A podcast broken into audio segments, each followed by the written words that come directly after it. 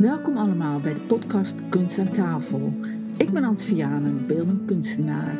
Ik zit hier in mijn pas verbouwde atelier midden in het groene hart in Ter Aar, waar de vliegtuigen weer als van ouds overvliegen, de wind volop ruist en de vogeltjes naar hartelust kwetteren. Mijn gast van vandaag is Mark Hazekamp, gespecialiseerd kinderhartchirurg en nog veel meer. De officiële introductie hoor je iets verderop in deze podcast. Onder het genot van een pizza praten we over politiek, internet, familie, werk, kunst en natuurlijk leven en dood. Ik ken dit een beetje, dit gebied, omdat ik vroeger met mijn vader, dat is echt toen was ik een kindje, gingen we vissen in, volgens mij in Aarlanderveen. Ah, ja, Dat is een polder en daar was een, die polder is later verkaveld, dus toen was de lol over. Dat was naast dat kanaal en daar was een meneer die verhuurde bootjes. En dan kon je met roeibootjes door die hele polder heen. En dat was superleuk. Ik ben al best wel vaak mee geweest. Ja, en dan ga je natuurlijk naar Nieuwkoop, naar het Zuideinde, Nieuwkoop. Richting, richting Nieuwkoop, ja. Ja. Wil je ook glas water erbij? Nee, hoeft niet, dank u wel. Nee, ik kom oorspronkelijk uit Haarlem. Daar ben ik opgegroeid. En mijn moeder die woonde, die is opgegroeid in het alleroudste stukje van Haarlem, midden in Haarlem. Ken je Haarlem een beetje? Of? Ja, ja, ja.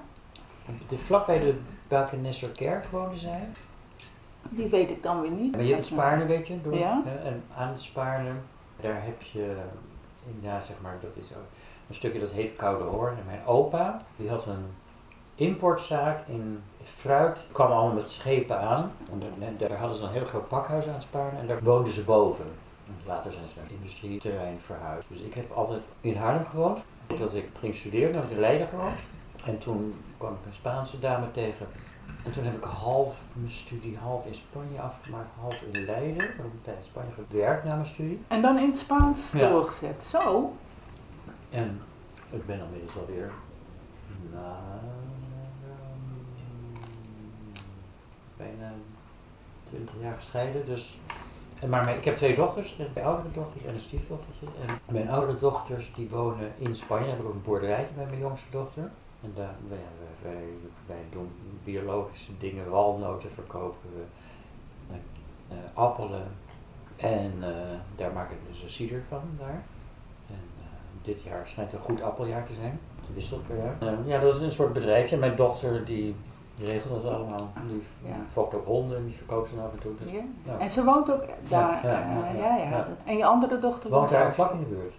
Ik vind dat tekenen en schilderen zo ondergewaardeerd wordt in Nederland. Ik vind het gek, want we hebben zulke Historie. meesterlijke... Ja. Ja, ja, we hebben zeker, de grootste ja. schilders Ja, van de ja. hele wereld. We Ja. hangen overal. Mhm. Het is zeker zo dat je ervan leert.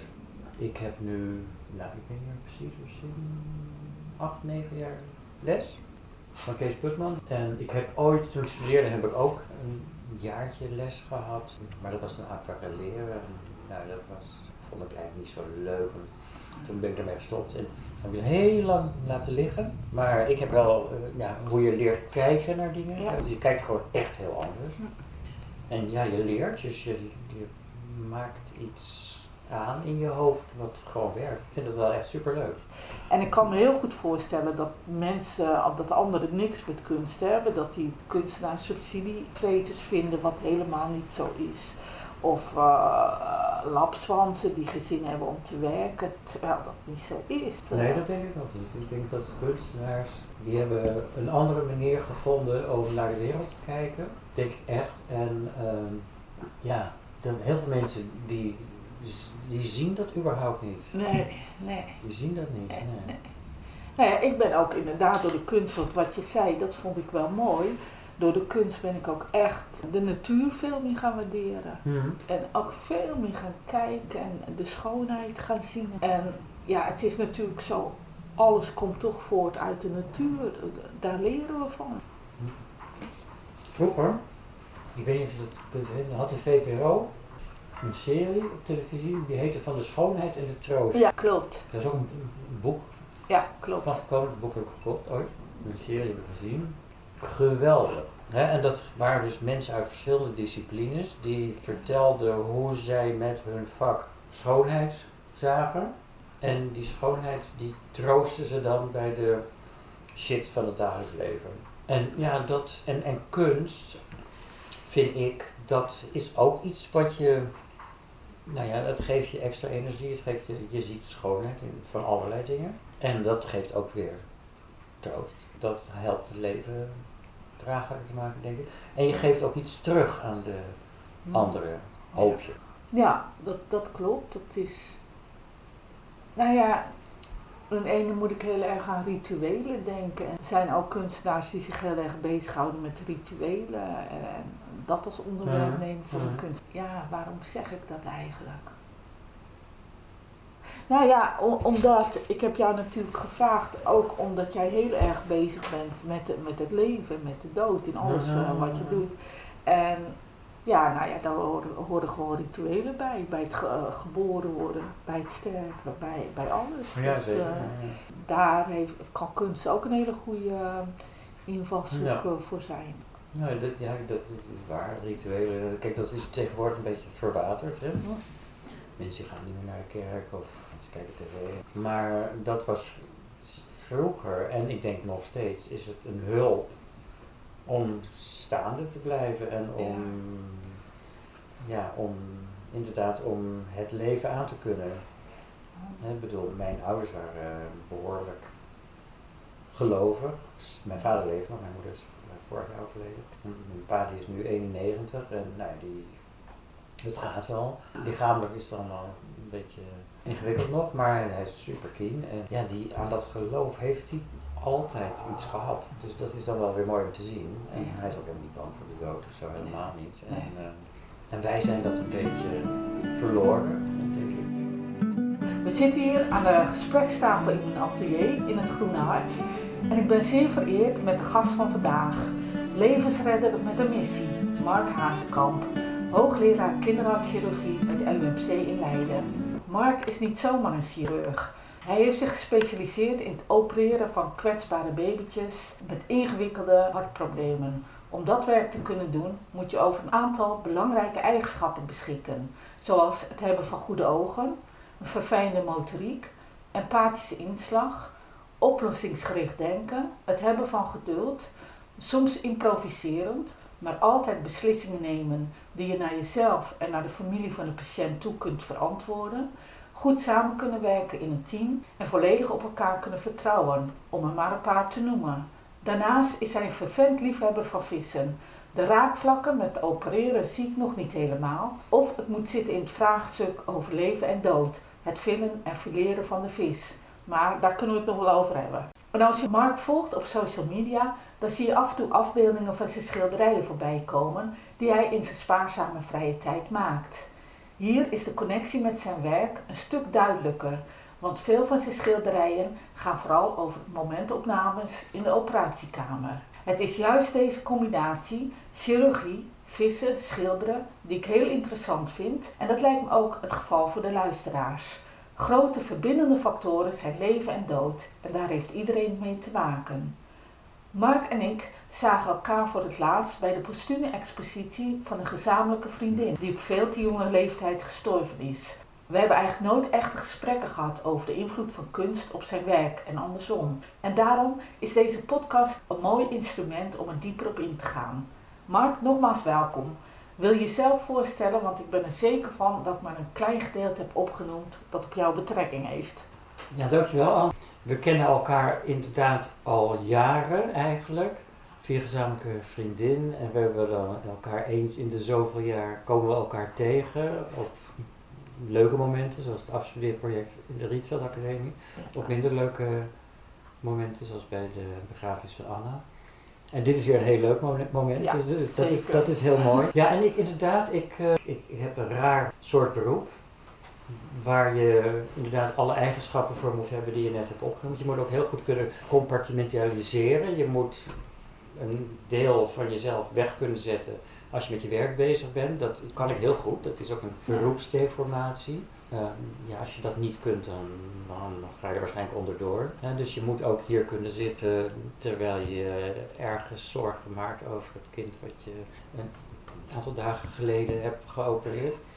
En dat moet je dan opzij kunnen drukken, maar als er een probleem zou zijn, keer meteen Dan moet je weg. hard wegrijden. Ja, het dus, kan zijn dat deze podcast nu wordt onderbroken. Ik hoop het ik niet. hoop het ook niet, maar dat, kijk, ik heb wel eens gehad dat ik in de supermarkt stond met mijn dochter, met de hele eh, lopende band bij de kassa vol met boodschappen en ik gebeld werd en ik moest weg. En ik, ik zei sorry tegen de kassajuffrouw, het spijt me, maar ik moet nu weg. Iedereen boos, maar ja, dan moet je dus in staat zijn om alles te laten vallen en eh, weg te gaan. Maar als ze weten waarom het is, dan hebben ze alle begrip. Ja hoor, je moet het wel uitleggen. Dus, maar eh, goed, het, soms is het een beetje ingewikkeld. Ja. Nee, inderdaad, ik maak schilderijen van momenten in zo'n operatiekamer eh, of tijdens zo'n operatie van de handen en de instrumenten en het lichtval. En ik vind dat, ja, ik vind dat heel mooi. Dat is ook misschien beroepsdeformatie, maar ik zie er ook een bepaalde schoonheid in. Ik werk met kinderen die hebben hartafwijking, aangeboren hartafwijking, en daar zijn heel veel verschillende vormen van.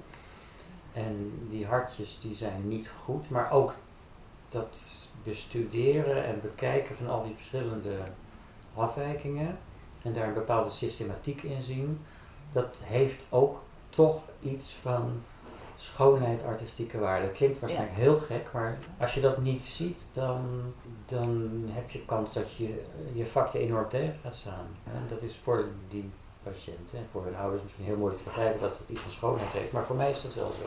Nee, dat begrijp ik helemaal. Want er komt ook nog een podcast met een hoefsmid. Mhm. En die is heel erg geïnteresseerd in orthopedisch hoefbeslag. Dus de moeilijke paarden. En hij heeft daar geweldige foto's van. Nou, die kan je zo in een galerie hangen. Die zijn zo geweldig mooi. En, Ja. eh, en natuurlijk is het niet mooi wat die paarden hebben. Want je kan het beter niet hebben. Maar qua beeld... eh, en kunst gaat natuurlijk over beeld. Is het wel ontzettend mooi. Super interessant dat je dat zegt. Ik heb een aantal weken geleden werd ik benaderd door een regisseur die voor volgend jaar, voorjaar, voor de VPRO een documentaire gaat maken over het hart en kunst. En ze hebben gevraagd of ik eraan mee wil doen, dat vind ik heel erg leuk. Ik heb gezegd, ja, wat, waar moet het precies over gaan? Hij zei, het staat helemaal open. En ze vroeg dus, wil je wat dingen opsturen waarvan jij denkt dat dat kunstzinnig is. Dus ik heb een aantal video's opgestuurd van, en dat heet 4D Flow MRI. Dat is een soort scan, kun je van het hart maken, van het hele lichaam. Daar kun je bloedstromen met allerlei kleurtjes in afbeelden. En het ziet er geweldig uit. Dus ik heb er een aantal van die video's opgestuurd. En dat gaat alle kanten op en dat golft en dat wervelt. Het is turbulent of niet. Het gaat bochten om. En dat allemaal in kleuren. Nou, het is net of je het noorderlicht ziet. En dat is volgens mij is dat kunst gewoon. Ja. Zonder enige twijfel. Toevallig heb ik vanmiddag, net voordat ik hier naartoe kwam, samen met een student gezeten. We doen onderzoek naar of virtual reality, of, dat, of je dat helpt bij het beslissen van welke operatie moet ik doen en welke techniek kan ik van tevoren al bedenken. En dan krijg je een bril op en twee van die dingen in je handen. En dan zie je zo'n hart in kleurtjes, die zijn er ingezet. Dan kun je er op allerlei manieren doorheen gaan in je hoofd. Hè, want het, je moet je ogen wel open houden, maar het is virtueel. Ja. Het voelt super echt. Hè? En wij zijn het nu vergelijken met een plastic 3D printje wat je ook in je handen krijgt. En het is ja, net zo goed of bijna net zo goed als zo'n printje. Ja, want jij hebt toch al een keer, of misschien meerdere keren, dat weet ik niet, maar een 3D hart, Ja. eh, hartje ingebracht bij een eh, jong eh, meisje. Nou, niet ingebracht, maar we gebruiken die Of- dingen. We, we, we, we maken een scan. Die scan maken we printerinstructies en dat is heel moeilijk. En dan printen we dat. Dan heb je een hol, een hartje van plastic, wat verder niet beweegt, wat er net zo uitziet als het hartje van het kind die je die scan hebt gemaakt. En daar kun je, dat helpt enorm voor je 3D-inzicht om te zien hoe je een bepaalde operatie al of niet kunt doen. Oh, dus het is eigenlijk een soort voorstudie. Ja, een schets van, eh, van een schilderij, zeg maar. een soort voorstudie en Ja. dat bepaalt hoe je verder kunt. Ja. Heeft het dan te maken met de grootte van die kanalen of de, Ja. de grootte? Ja, hoe je binnenin iets van de ene plek naar de andere kunt tunnelen. En soms met de gewone dingen, dus een echo of een andere scan, kun je dat niet. Dat is allemaal 2D. Ja. En dat is veel moeilijker in je hoofd te verwerken tot een plan dan wanneer je het in je handen krijgt. Je vergelijk als je een kast koopt of een stoel bij Ikea. Nou, als, als je geluk hebt zit er een plaatje bij. Als het Ja. in woorden is, dan is het best lastig. Als er een plaatje bij zit, dan helpt dat. Maar als je een maquette zou krijgen, dan zou het nog meer helpen. Dat is een beetje het idee. Dan zijn we toch wel heel vernieuwend en vooruitstrevend bezig. Ja, het is zeker interessant. Kijk, die Ja. 3D-printjes maken, dat is best moeilijk. Het kost ook ja, 500, 600 euro per stuk nu nog. En het gaat wel steeds beter. Maar je moet de printer instructies geven en dat is voor een groot deel geautomatiseerd. Maar er moet nog een menselijke factor tussen zitten die de onnodige stukjes digitaal weggumt en Ja. bepaalde richtingen aangeeft en zo. Ja. En, en een virtual reality is veel makkelijker te maken en veel goedkoper. En, maar goed, dat is weer iets anders, want dat is dan, het is 2D, het lijkt 3D en in je hoofd maak je er 3D van. Maar zo'n zo iets wat je in je hand hebt en wat volume heeft en inhoud, en, dat is al 3D, dus dat maakt het je makkelijker. Ja. Ja, ik heb een keer een kunstwerk gezien met virtual reality van Mhm. Paul McCarthy. Die maakt best wel provocerende kunst met allemaal veel met poep en pies en eh knakworstjes en ketchup. Maar dan zet je ook die bril op en dan kwam je in een ruimte. Mhm. het was waanzinnig. En eh, in, in, in, die, eh, in dat kunstwerk was je eigenlijk in een soort ehm, eh, ruimte met allemaal dames van plezier. Mhm. Dus eh, de een die eh, liep daar op zijn hondjes en dan zei hi, I love you, you're great. En, allemaal, en, je, en, en dan kwam ze heel dicht naar je toe, dus je denkt, maar help. En ik kan me voorstellen, want je had natuurlijk die bril op, maar als mensen naar jou kijken, want je doet toch die, schrikreactie. ja, ja, ja. Maar goed, je hebt dat zelf niet in de gaten, maar die mensen die kijken wel. dus ja, ik zou dan wel weer heel leuk vinden om te zien hoe, hoe, hoe de reactie van jezelf dan is en je bewegingen. Maar goed, dat heeft met geneeskunde verder niks te maken. Maar ja, het is wel. Het is een totaal nieuwe dimensie die je normaal gesproken niet meemaakt. En je zit echt in zo'n wereld. Hè? Ja, En eh, vorig jaar, net voordat de corona-toestanden uitbraken, was er in de RAI, in januari, eind januari, was er een enorme expo over a- a- alles wat audiovisueel was. ja. Gigantisch. En die was er naartoe gegaan, daar liepen ook allemaal mensen uit de hele wereld rond. Ik was er eigenlijk met een student naartoe gegaan om speciaal voor die virtual en augmented reality. En ja.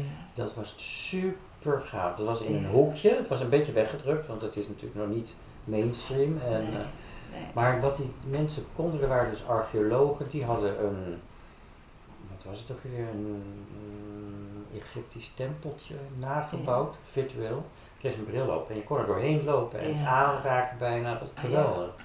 Maar dat, ja, dat vind ik super interessant. En wat mij betreft is dat gewoon zonder enige terughoudendheid is dat echt artistiek. Hè? Ik bedoel, ook al weet je niet wat het is, of juist al weet je niet wat het is, Ja, dan eh, ja, kun je dat als kunst ja. laten zien.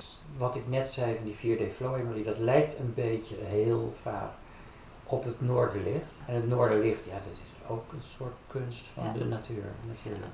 Ik maak van het gesprek ook een podcastpaper. Mhm. En nou, die is echt onwijs gaaf. En als, als het mag, wil ik daar ook graag eh één of twee afbeeldingen van je schilderijen Tuurlijk, in. eh, ja, ja. en, maar ook heel veel linkjes zitten erin, waardoor mensen dan ook weer door kunnen Mhm. linken. Eh, ik heb natuurlijk heel veel, ben ik met jou bezig geweest deze week. En eh, wat hartstikke leuk is, en ook eh, op YouTube filmpjes gezien en zo.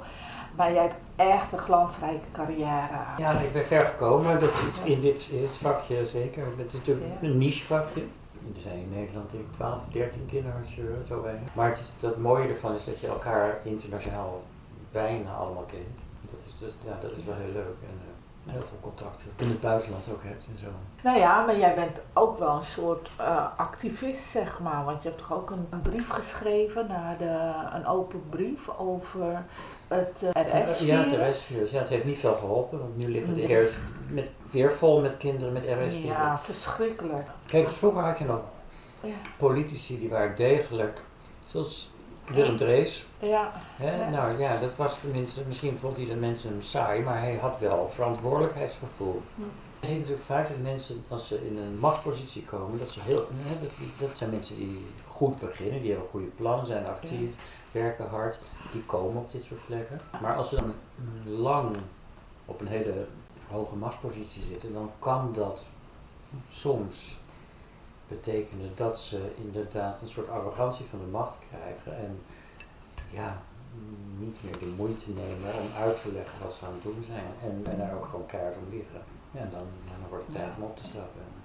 Je moet altijd zeggen wat je denkt, volgens Ja. mij. En eh, soms moet je tot 10 of tot 20 tellen voordat je het zegt, even er goed over nadenken. En je moet de toon eh, netjes en vriendelijk houden. Ik heb heel veel respect voor mensen die de meest vreselijke, ware dingen kunnen zeggen zonder boos te worden of met hun ogen te knippen. Ja, ja, ja, ja. Dat vind ik knap. Als, als mensen eh, ja. heel boos worden, dan is dat toch een deel van hun. Ja, dat is dan toch jammer, zeg maar. Dat moet je niet doen. En je Nee, moet dat het is gewoon heel onderkoeld zeggen wat je denkt. Dan wordt het krachtiger. Veel kracht. Ja, als je heel boos bent of zuur of zo, dan, ja, dan, dan, dan denken mensen van ja, het zal wel. Maar dan, dan wordt de boodschap komt ook niet zo over. Heb je die weer? Ja, ja, precies. Ja. De introductie hebben we Hm. gehad. De herinnering. Je hebt er al een beetje over gesproken. Van Hm. ehm, je moeder schildert. Ja, mijn, mijn, mijn opa, die schilderde ook hoog niveau, dat is de vader van mijn vader.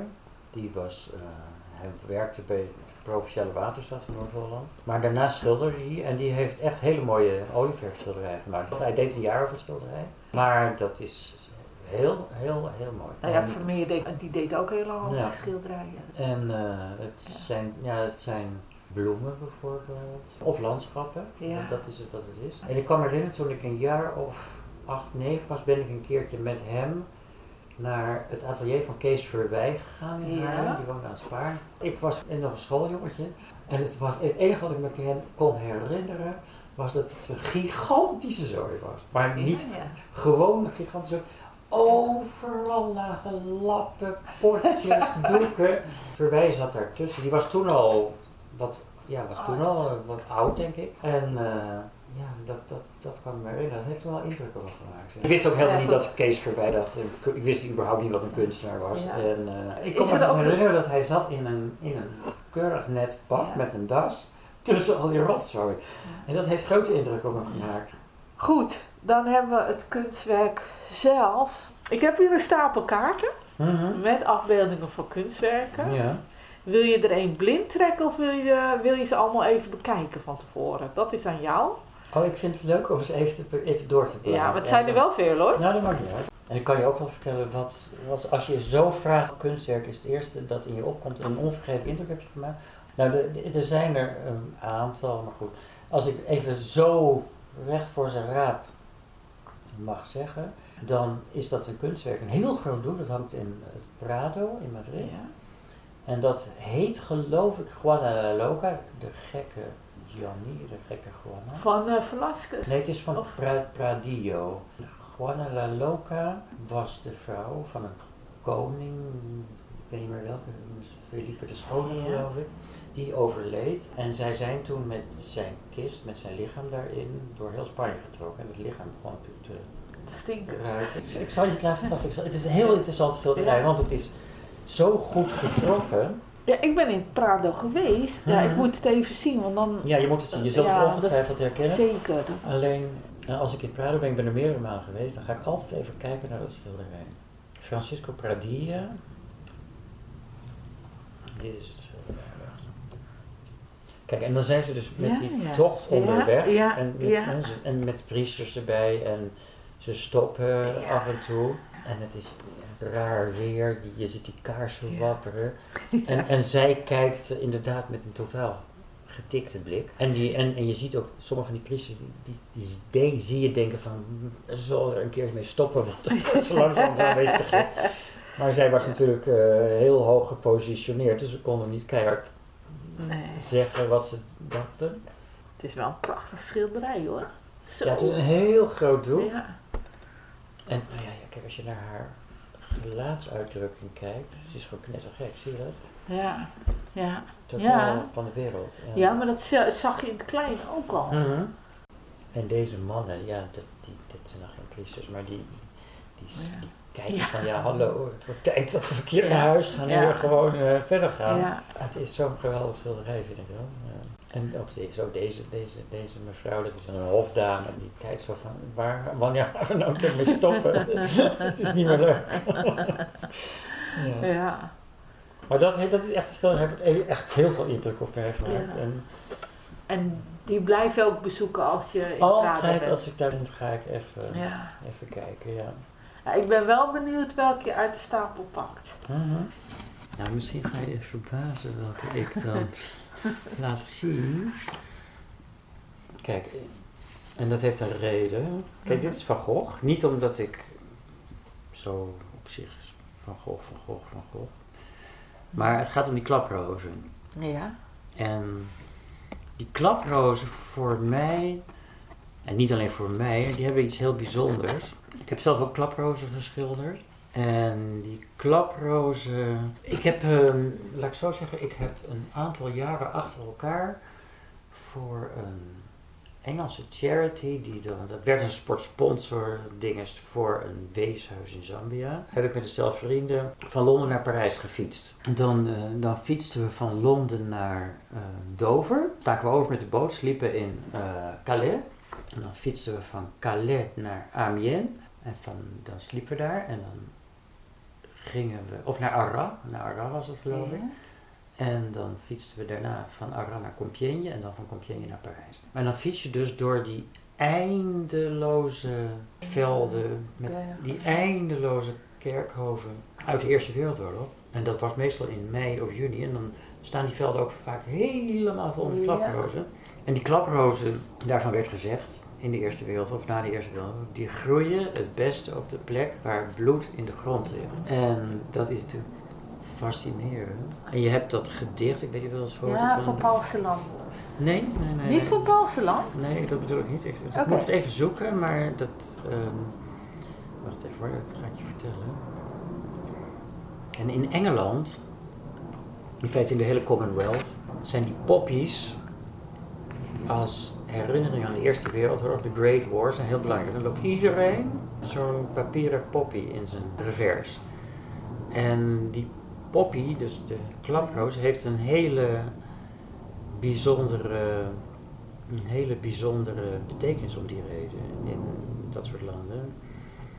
Het is een soort van overwinning op de dood, kun je zeggen. En ik heb deze ooit een keer geschilderd. Oké. En deze, dat is dan een heel groot Ja. doek, Oh, mooi. zie je. En eh, Ja. dat is best wel gaaf, vind ik. En, Ja. en ik heb er nog eentje zelfs, dus het is iets wat mij fascineert. En dat is dan ja, contrast tussen leven en dood. Ja, ja, En, en er is dus een. Wacht even hoor, even kijken wie dat dan ook. Er is een. Volgens mij staat het hier ergens. In Flanders Fields. Ik kan het voorlezen in je podcast. Ja, prima. Dat doen? Mooi. Dan, maar dan moet je wel goed in... eh, Dan ga ik goed in de dingen spreken. Dit- ik- ik, vind, het een gedicht wat Ja. super veel indruk op mij heeft gemaakt. En het is ook, ja, in Engeland is dat heel groot.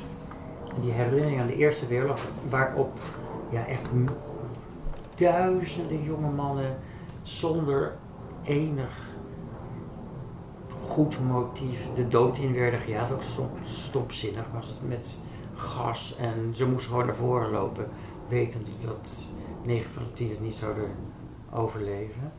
En dit is dus geschreven door John McCrae in 1915. Dat was een Canadese legerarts. En dat gaat als volgt. In Flanders fields the poppies blow, between the crosses row on row, that mark our place, and in the sky the larks, still bravely singing, fly, scars heard amid the guns below. We are the dead. Short days ago we lived, felt dawn, saw sunset glow, laughed and were loved, and now we lie in Flanders fields. Take up our quarrel with the foe. To you from failing hands we throw the torch, be yours to hold it high. If you break faith with us who die, we shall not sleep, though poppies grow in Flanders fields. Ja. En dat is echt geweldig. Ja. Geweldig, geweldig. Ja. Hè, en ja, dat, dat, dat inderdaad, de klaproos, klaprozen zeggen ze, groeien het beste waar het meeste bloed is vergoten.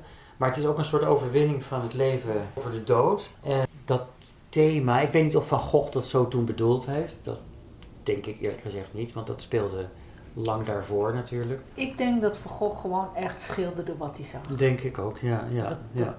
Maar ik vind wel dat hij wel heel goed emoties erin kan schilderen. En wat hij voelde en Hmm. zijn, eh, zijn ehm, eh, mentale gestel. Hm, Die, die zie je wel daarin terug. ja.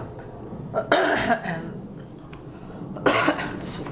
Oh nee, dat moet ik zo doen, maar dat ben ik nog niet gewend. Eh, maar goed, ik denk wel dat hij eh, ja, dat mentale gestel er goed in kon weergeven. Dat dat zijn kracht is. Maar goed, de kunstwerken hebben we gehad, hè? We Ja. hebben de kaart getrokken. Ja, nou, beste tip. Oh ja. Ja, die, je hebt al wat tips gegeven.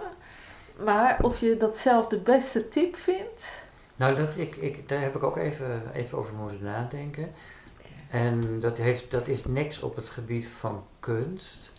Maar het is wel iets waar iedereen iets aan kan hebben. Maar het is vrij, ehm, ja, vrij, ehm, het is vrij ingewikkeld. Ik heb een keer, toen was ik op een congres in Noord-Spanje. Ja. in eh, Galicia, in de buurt van La Coruña. En nou, ik was nog jong. En na zo'n congres ga je vaak als sprekers ergens eten. Toen hadden ze in zo'n mooi huis een etentje georganiseerd. En dan ging ik met de bus naartoe. En toen zat ik, toe, oh, ik zat in die bus in mijn eentje. En toen kwam er een hele beroemde hartchirurg uit Londen naast mij zitten. En ik dacht, oh. Zo. Dus ik dacht van, wauw, ik voelde me helemaal Ja. vereerd, maar ik was ja, ook een beetje, een beetje zenuwachtig. Ik dacht, wat, wat, wat, waarom gaat die man in hemelsnaam naast mij zitten? En eh, hij begon een praatje en zei, wat doe je zo al? En ik dacht, kinderhartchirurgie. Ja, maar dat, dat weet ik, maar dat, dat, dat, nee, wat doe je ernaast? En ah, sporten. Eh, oh ja, ja, maar goed. Maar lees je ook wel eens boeken? Ja, ik zeg, lees wel eens boeken. Nou, wat voor boeken? Allemaal vertellen. En Ja. die man, dat is een, een, een Egyptische man, die komt oorspronkelijk uit Egypte, is inderdaad wereldberoemde hartchirurg en eh, een super eh, intellectuele kerel. En die zei eh, tegen mij, heb je wel eens wat van Karl Popper gelezen, de filosoof? Ik zei, nee, ik heb wel eens van gehoord, maar ik heb nooit wat van gelezen. En toen zei hij, dan moet je het boek kopen, Conjectures en refutations. Dus, dat, hè, dus eh, dat gaat over wetenschapsfilosofie. En toen ik thuis kwam, dacht ik, oké, nou, ik ga het boek kopen. Dus heb ik het boek gekocht. Ja. Dat is een heel, best wel een ingewikkeld boek. En dat gaat erover dat je van simpele aannames niet kunt concluderen dat iets waar is. Dus als jij iedere dag witte zwanen ziet, Ja. keer op keer, jarenlang, overal zijn al die zwanen wit, mag je niet concluderen dat alle zwanen wit zijn. Ja. Er zijn natuurlijk ook zwarte zwanen, maar die ben jij nog nooit tegengekomen, Dus die nergens. bestaan niet. Nee, maar goed, die, Ja. die, dus, hè, dus dat betekent eigenlijk dat als jij denkt dat iets waar is, dan moet je je best doen Ja. om dat te proberen te weerleggen. Ja. Dat is de kern van wetenschap. Als je dat dan niet lukt, keer op keer eh, en tijd na tijd, dan wordt de kans dat jouw idee echt waar is, wordt steeds groter. Ja, ja.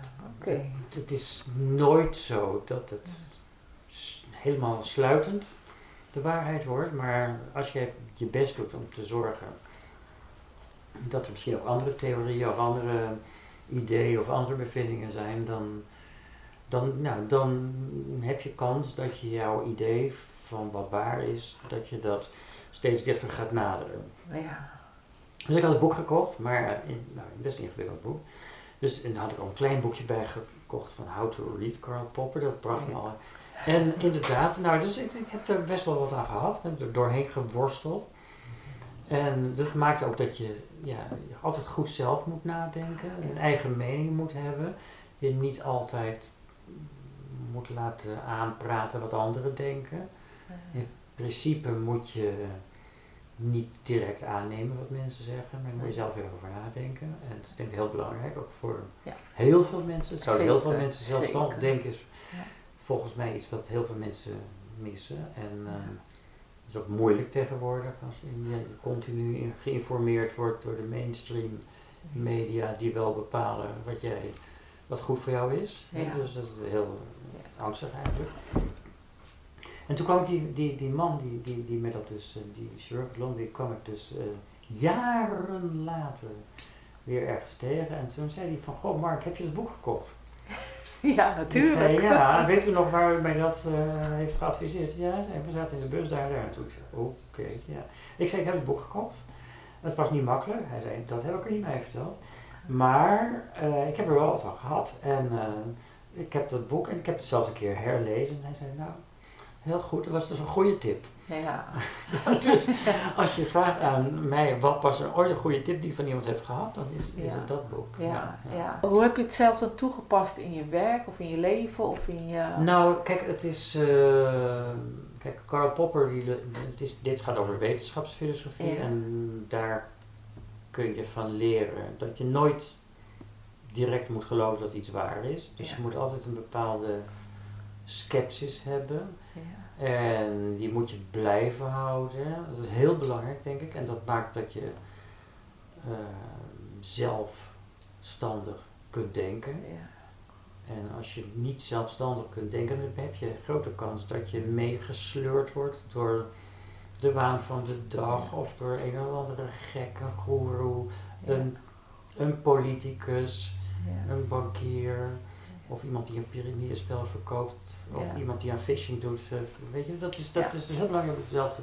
En je moet eh, ja, proberen, als je denkt dat inderdaad iets waar is, moet je proberen dat juist te ontkrachten om te zien of jouw idee werkelijk nog steeds eh, geldig of valide is. Maar het is wel een beetje vergelijkbaar met eh, Descartes, toch? Een beetje wel, het, ja. eh, ja, dat is precies. Kijk, ja. die had ook Ja. het, het belang van zelfstandig denken. Dat heeft hij onderstreept natuurlijk. En, eh, maar Karl Popper heeft ook een ander boek geschreven, The Open Society. En ook dat is een heel interessant boek om te lezen, want dat gaat over ja, een maatschappij die, waarin belangrijk is dat er continue discussie is. En dat ook niets direct waar is en dat je ook open staat voor de argumenten van andere mensen. En dat je ook een open maatschappij moet verdedigen. Je mag heel tolerant zijn, maar je moet niet tolerant zijn voor de intoleranten. En dat is ook iets wat we tegenwoordig, vind ik, zien. Dat wij soms als Nederlandse maatschappij of Westerse maatschappij zijn we veel te tolerant voor intolerante mensen. Hè? Ja. Zoals bepaalde. Godsdiensten, Terroristen. Ja, ja. eh, eh, sommige dingen worden heel makkelijk goed gepraat. En ja, dat is niet altijd goed, denk ik. Dus je moet ergens een grens trekken. En het is Ja. niet zo dat het tolerant zijn tot in het oneindige kan worden. Nee. Want dan is het goed, dan schiet je je eigen voet. Ja, en, en dan kom je weer terug op dat, dat eerste boek waar je zei. Ja. Nou, een tip die jij een keer gegeven hebt, of die ik heb opgevangen van jou, die mij is bijgebleven, dat is als je iets doet, dan moet je er echt eigenlijk voor de volle 100% voor gaan. En Mhm. dan je echt specialiseren en je wordt steeds beter, terwijl je er eigenlijk niet zoveel voor hoeft te doen. In mijn woorden gezegd, hè. je hebt veel mooie gezegd toen, maar dit zijn mijn woorden. En, en, en dan word je steeds beter en dan word je gewoon ehm, expert in wat je doet, zeg maar. Dat vond ik ook op zich een hele goeie. Voor, vooral als mensen denken dat ze denken van, ja, dat kan ik niet. Vanuit dat geloof is het voor iedereen weggelegd. Ja, ik, nou ja, kijk, ik denk dat mensen veel meer kunnen dan ze denken te Ja. kunnen. Dat denk ik echt zo. Ja, En, maar goed, je hebt daar, dat gaat niet altijd vanzelf natuurlijk. Nee. En, eh, ze zeggen om dat als je iets heel goed onder de knie wil krijgen, je hebt wat talent nodig. Ja. Ik bedoel, ik zou nooit goed kunnen viool spelen bijvoorbeeld. Ja. En je, hebt, en je moet vlieguren maken, je moet heel lang oefenen. Ja. En dan kom je in het op weg. ja. ja 10.000 of zo. 10.000 zeggen euro zeggen ze. Ja. Voor een voetballer, een violist, een schilder. ja, ja, ja, ja. Dat, dat, ja. ja klopt. Dat is, ja, dus op, in, je, in je brein moet Ja. je een bepaald patroon weven Ja. of graveren of zo. En dat krijg je door het veel te doen. Ja, ja. Nou, we zijn er wel bijna doorheen. We hebben nog een quote. En dan hebben we nog een museumtip. Misschien wil iedereen een trekken. Dat, eh, Ik zal er eentje trekken. en eh, als je gewoon opleest en misschien vind je er wat van of niks, wil je er wat van zeggen of niet, is allemaal goed. Ik heb een hele leuke kaart getrokken. De quote is als volgt. Kunst kent geen compromis, terwijl het leven er vol van is. En dat is dan door Günther Wilhelm Grass gezegd. Dat wist ik niet. Maar ik vind het wel een mooie quote. Zeker. Ook eh, best wel toepasselijk. Zeker. Ik weet niet of het helemaal waar is, want ik denk dat kunst ook wel eens compromissen kent. Het leven is inderdaad vol van compromissen. Zeker, ja. Ik bedoel, ik, dat is waar. Ja. Maar het is inderdaad zo, op bepaalde dingen moet je vrij eh, rechtlijnig en eh, zonder al te veel compromissen zijn. Dat ben Ja. ik wel met eh, die quote eh, Ja. schrijver eens. Ja. Oké. Nou, die komt ook gewoon in de podcastpaper. En ja, wat word je er wijzer van? Nou ja, ja ik, denk het, ik denk dat het goed is om af en toe gewoon eens over zinnen of over gebeurtenissen gewoon na te denken. Mhm. En even stil bij te staan. En dat je daardoor zelf weer tot nieuwe inzichten komt.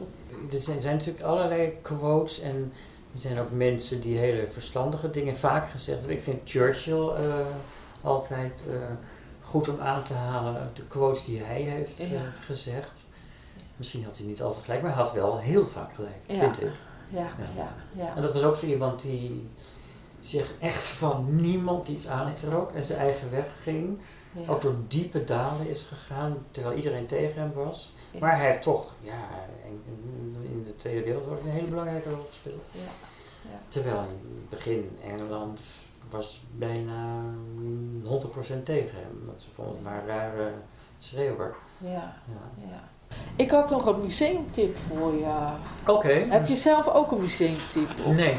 Nou ja, het Prado, waar ik altijd heel erg dol op ben. Dat... Ja. En het andere in, in Madrid is ehm, dat... eh, God, hoe heet die nou ook alweer?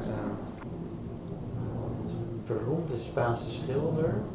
Niet heel lang geleden. Vorige anderhalf eeuw. Met die mooie tuin. Ja? Ja, eh, hij schildert die wind. Sorolla. Sorolla, ja. Joaquin Ja, Sorolla. hè? Ja. Dit, dit, dit, je hebt de Casa Sorolla in Madrid. Dat is ook zo mooi daar. ja ben ik ook geweest. Ja, en hij schilderde dus eh, heel snel, hè? Ja, Op ja. hele grote doek met zulke lange kwasten. Ja. Echt, eh, er zijn een paar filmpjes van, van die, van die ouderwetse filmpjes. Die is echt wel ja. mooi om te zien. Maar goed, ik, had, ik heb het ook wel even opgeschreven. Ja, dat vond ik even makkelijker, omdat het gewoon een, echt een onderdeeltje is. En ik had me er met een Jantje Verleiden van af kunnen maken door gewoon te kiezen voor Museum Boerhaven. Mhm. Omdat daar het eh, 3D babyhartje van Jasmijn is. En dat heb jij daar aangeboden aan het museum. En daar is ook nog een mooie tentoonstelling te zien, Besmet. Dat gaat inderdaad Mhm. over de pest en ziektes en alles. Maar voor Mark wilde ik meer. Maar het viel niet mee om een, een geschikte expositie te vinden die nu loopt. En er is er wel een die aankomend is. En die vond ik wel interessant. Dat is de expositie Facelifts en Makeovers.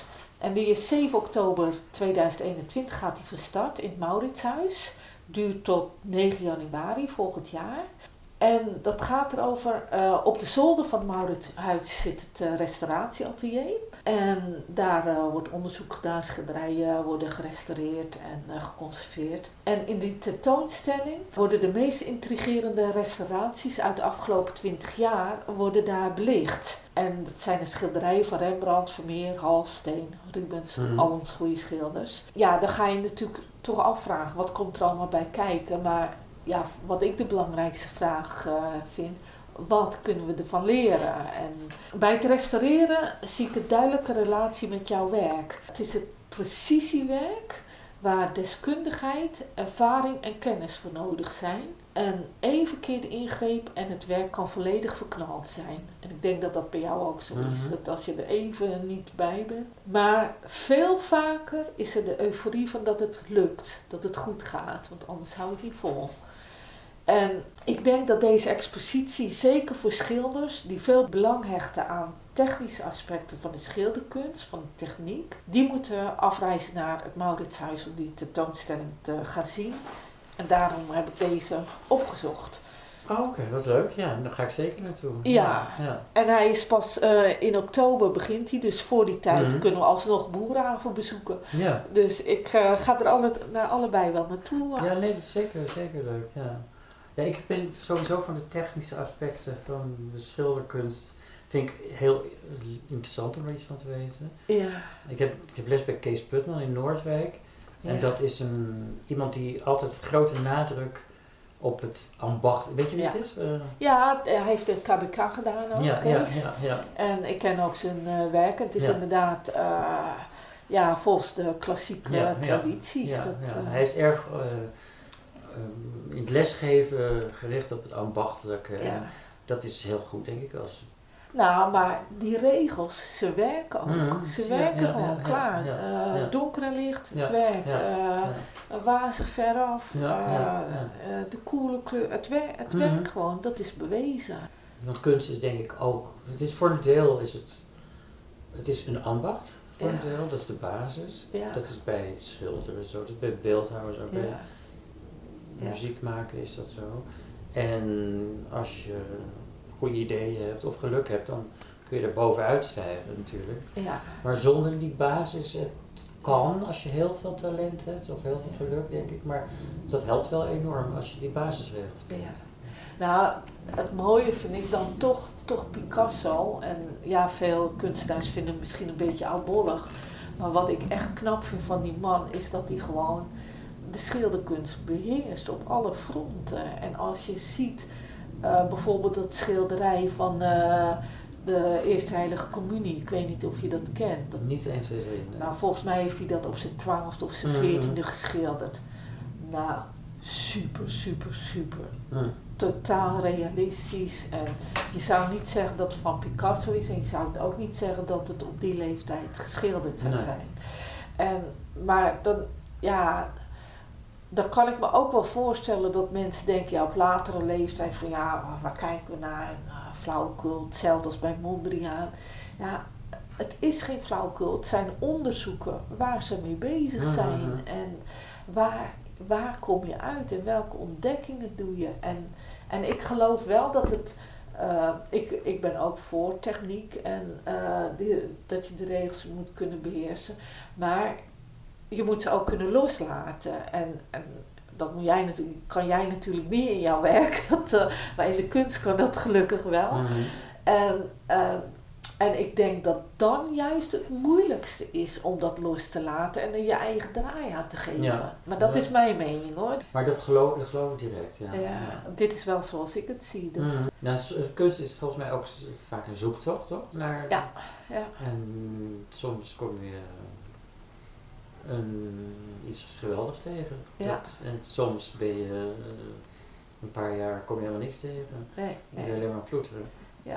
Nou ja, en, en ik denk wel, je moet er dan, dat ploeteren heb je wel nodig om er klaar voor te Ja, zijn. ja, voor ja, ja. voor, voor Ja. je grote werk, je meesterwerk, het Ja. echte werk. Of uh, ja, noem het maar op. Ja, eh, dat denk ik ook wel. ja. Dat denk ik ook wel, ja. ja. het, uh, ja. ja. Dat zei eens al, toch? Meer transpiratie dan inspiratie. Ja, ja. En met deze uitsmijter, 99% transpiratie en 1% inspiratie, zijn we alweer aan het eind gekomen van deze podcast over kunst. Super leuk dat je hebt geluisterd en hartstikke bedankt daarvoor. Ik hoop dat je door deze podcast veel ideeën hebt opgedaan en nieuwe inzichten hebt gekregen, maar ook dat jouw band met kunst hierdoor verstevigd is. Wil je nog meer van dit soort verhalen horen? Abonneer je dan op dit kanaal. Je helpt niet alleen mij hiermee, maar ook iedereen die in de kunst werkzaam is. Dus graag abonneren. Dankjewel en heel graag tot de volgende kunst aan tafel.